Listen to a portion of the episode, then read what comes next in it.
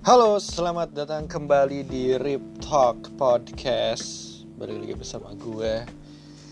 Sekarang adalah tanggal 4 Desember 2020 Sekarang adalah hari Jumat jam setengah satu pagi. Kenapa gue belum tidur? Karena uh, gue habis uh, ngerjain revisian skripsi gue yang sangat telat sekali yang baru gue kerjain uh, sekarang. Yang mana yang lain udah daftar wisuda gue belum.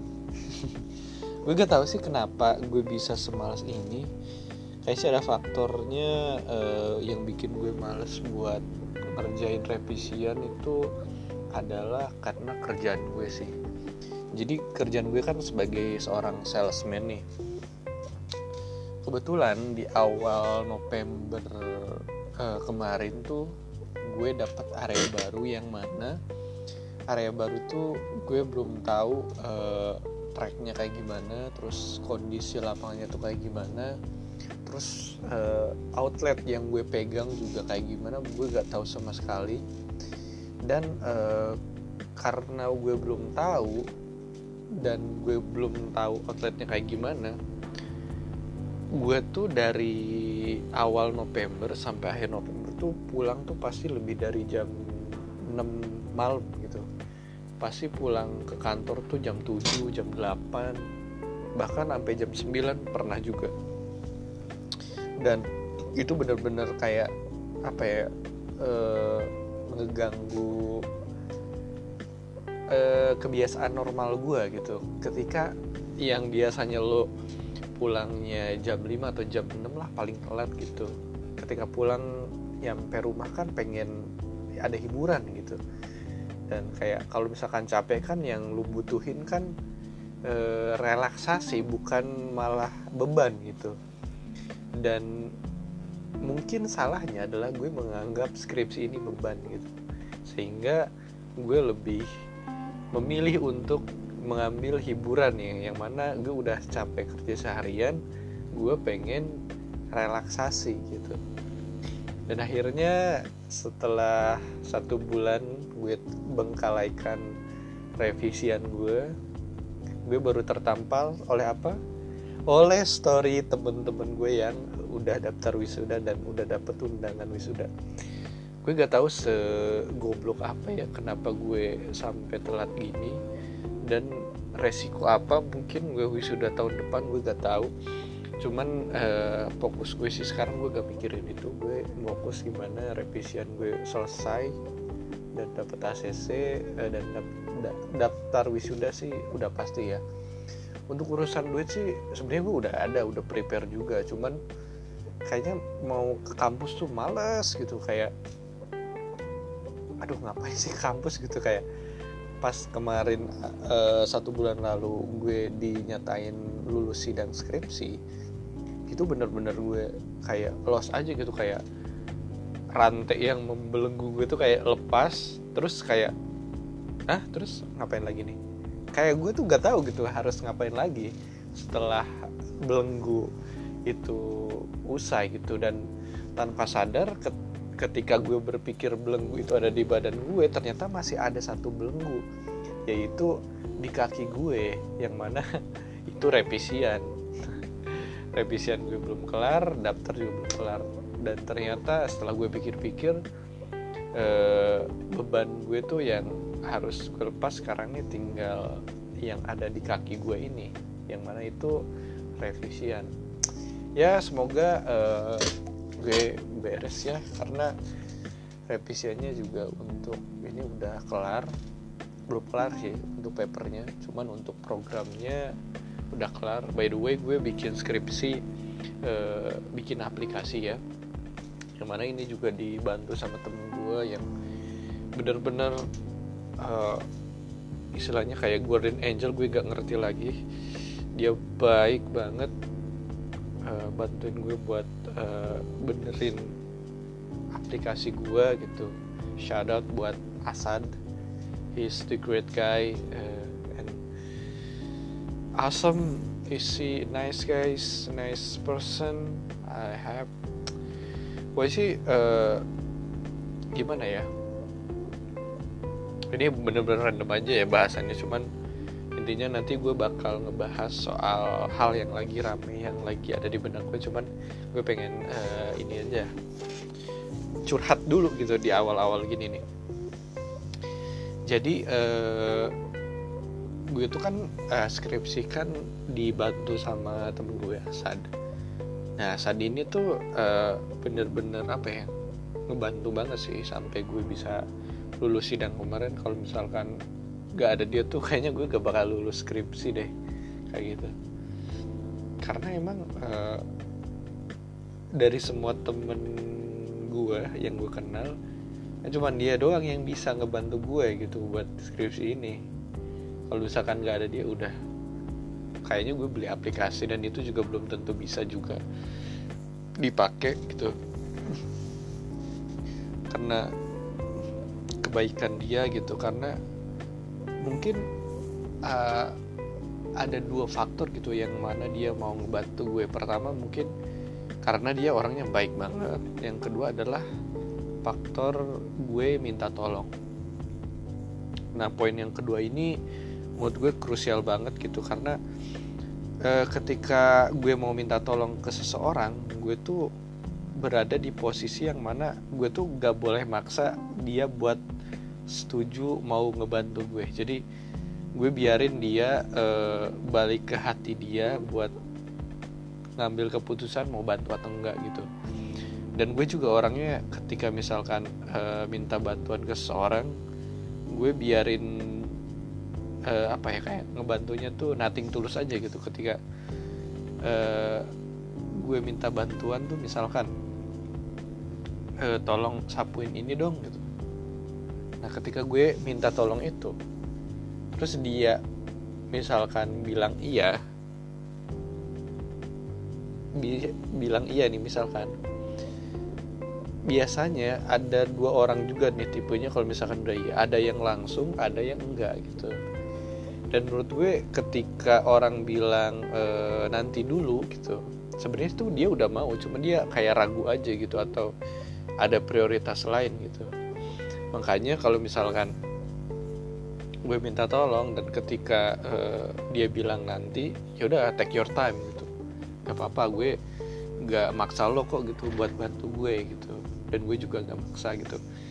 Makanya ketika gue kasih spend waktu itu dia juga kayak uh, apa nerimanya juga dengan lapang dada gitu dengan hati dia gitu mungkin beda ceritanya kalau misalkan gue ngeburu-buru dia gitu. Pasti dia juga mikirnya lu siapa? Lu gak, gak bayar gue gitu. Kok lu ngatur-ngatur gitu? Pasti baliknya ke situ gitu. Kayak mungkin kalau misalkan dia maupun dia gak bakal ikhlas gitu bantuinnya karena uh, gue minta tolongnya maksa gitu. Makanya setiap gue mau minta tolong ke seorang siapa pun gue memposisikan diri gue untuk uh, minta tolong secara uh, tulus apa adanya gitu dan tidak berekspektasi. Karena ketika gue berekspektasi untuk mengharapkan apa ya mengharapkan dia ngebantu gue gue takutnya malah uh, gue yang ini ya maksudnya kecewa gitu. Karena gue udah berekspektasi berlebihan jadi jatuhnya malah padau gitu. Malah gak bisa kan. Makanya gue sekarang kalau minta tolong udah gitu lo mau bantu gue atau enggak? Kalau misalnya enggak ya udah gak apa-apa kenapa? Enggaknya biar gue tahu alasannya dan gue bisa nyari opsi lain. Simpel itu sih. Oke cukup kayaknya curhat-curhatnya soal perskripsian yang aduh gak tahu ya, yang kayak gitu. Kali ini gue mau ngebahas topik yang apa ya yang lagi rame gue sih nggak tahu ya rame di mana tapi menurut gue rame aja karena ini terngiang-ngiang di kepala gue di telinga gue jadi uh, gue mau ngomongin soal uh, video di TikTok yang rame banget yang nonton tuh kayaknya udah sampai 4,5 juta gue terakhir lihat. Itu video uh, joget. Udah apa joget ya? Kenapa video joget kan di TikTok udah biasa kenapa ini jadi uh, terngiang gitu karena uh, ada di faktor di lagunya gitu. Mungkin uh, gerakan jogetnya sih ya standar gitu standar TikTok yang uh, apa tangan ke kanan tangan ke kiri terus wow gitu. Atau uh, gerakan TikTok standar lainnya gitu. Yang bikin gue apa ya ke hook itu adalah soundnya atau atau lagunya. Jadi lagu itu uh, yang uh, yang mantan aduh anjing kok gue lupa ya? Yang mantan mantan elus elus yang gitulah. Lu lu pasti ngerti kan video itu. Jadi video ini tuh dibuat oleh tiktoker namanya Gia Gia ini ya apa gitu? Badannya oke. okay. Kalau misalkan lo tanya petis gue itu petis gue. She's uh, nice boobs you know.